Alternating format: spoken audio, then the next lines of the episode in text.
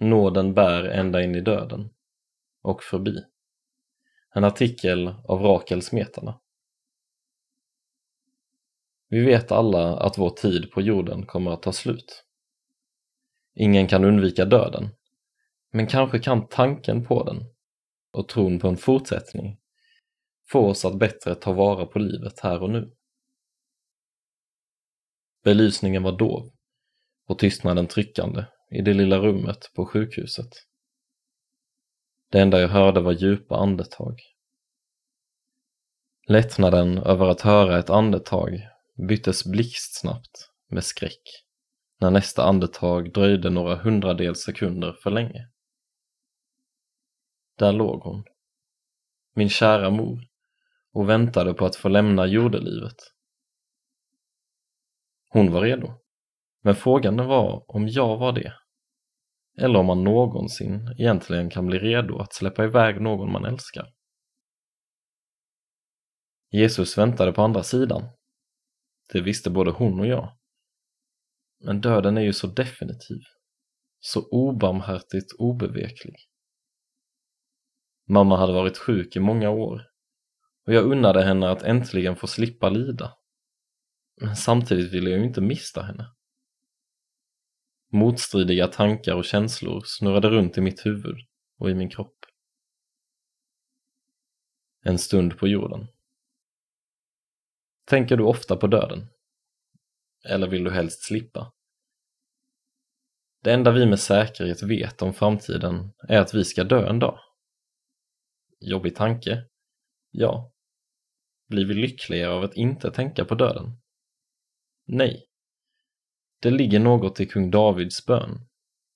Herre, lär mig förstå mitt slut, att mina dagar har en gräns, så att jag inser hur förgänglig jag är.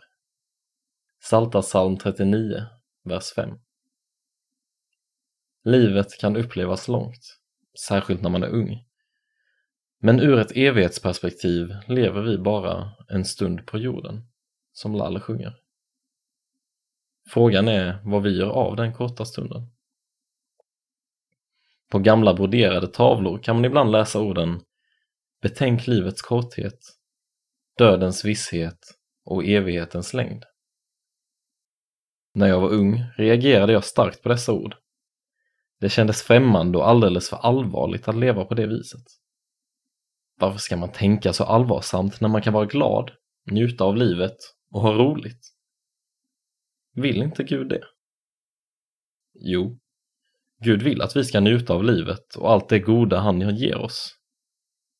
Men tänk om det är så att tanken på livets förgänglighet får oss att ta vara på livet på ett annat sätt. Livet blir aldrig så levande som i mötet med döden. Tänk om tanken på döden gör att vi får ett annat fokus på vad som är viktigt i livet och därför gör andra prioriteringar. På vilket sätt skulle din bucket list förändras om du fick veta att du bara hade ett år kvar att leva istället för 60 år, som du kanske hade hoppats? Livet på paus. De veckor vi vakade vid vår mammas dödsbädd var väldigt speciella. Livet sattes på paus på något vis. Vi syskon turades om att vaka och fixa mat och däremellan åka hem för att sova en stund. Sorg och tårar blandades med skratt och ljuvliga minnen. Familjebanden stärktes. Vi sjöng, drack kaffe och njöt av stunderna då mamma vaknade till. Dagarna flöt ihop fullständigt och till slut visste vi nästan inte vad som var dag och vad som var natt. I bilen mellan sjukhuset och hemmet tittade jag ut genom fönstret och förundrades över att livet utanför bubblan bara verkade fortsätta som vanligt. Hur var det möjligt? Mamma höll ju på att dö. Hur knasigt den låter kan jag ibland längta tillbaka till den tiden. Himlens dörr stod på glänt på ett påtagligt sätt som jag aldrig upplevt, varken förr eller senare. Det var uppenbart vad som var viktigt i livet.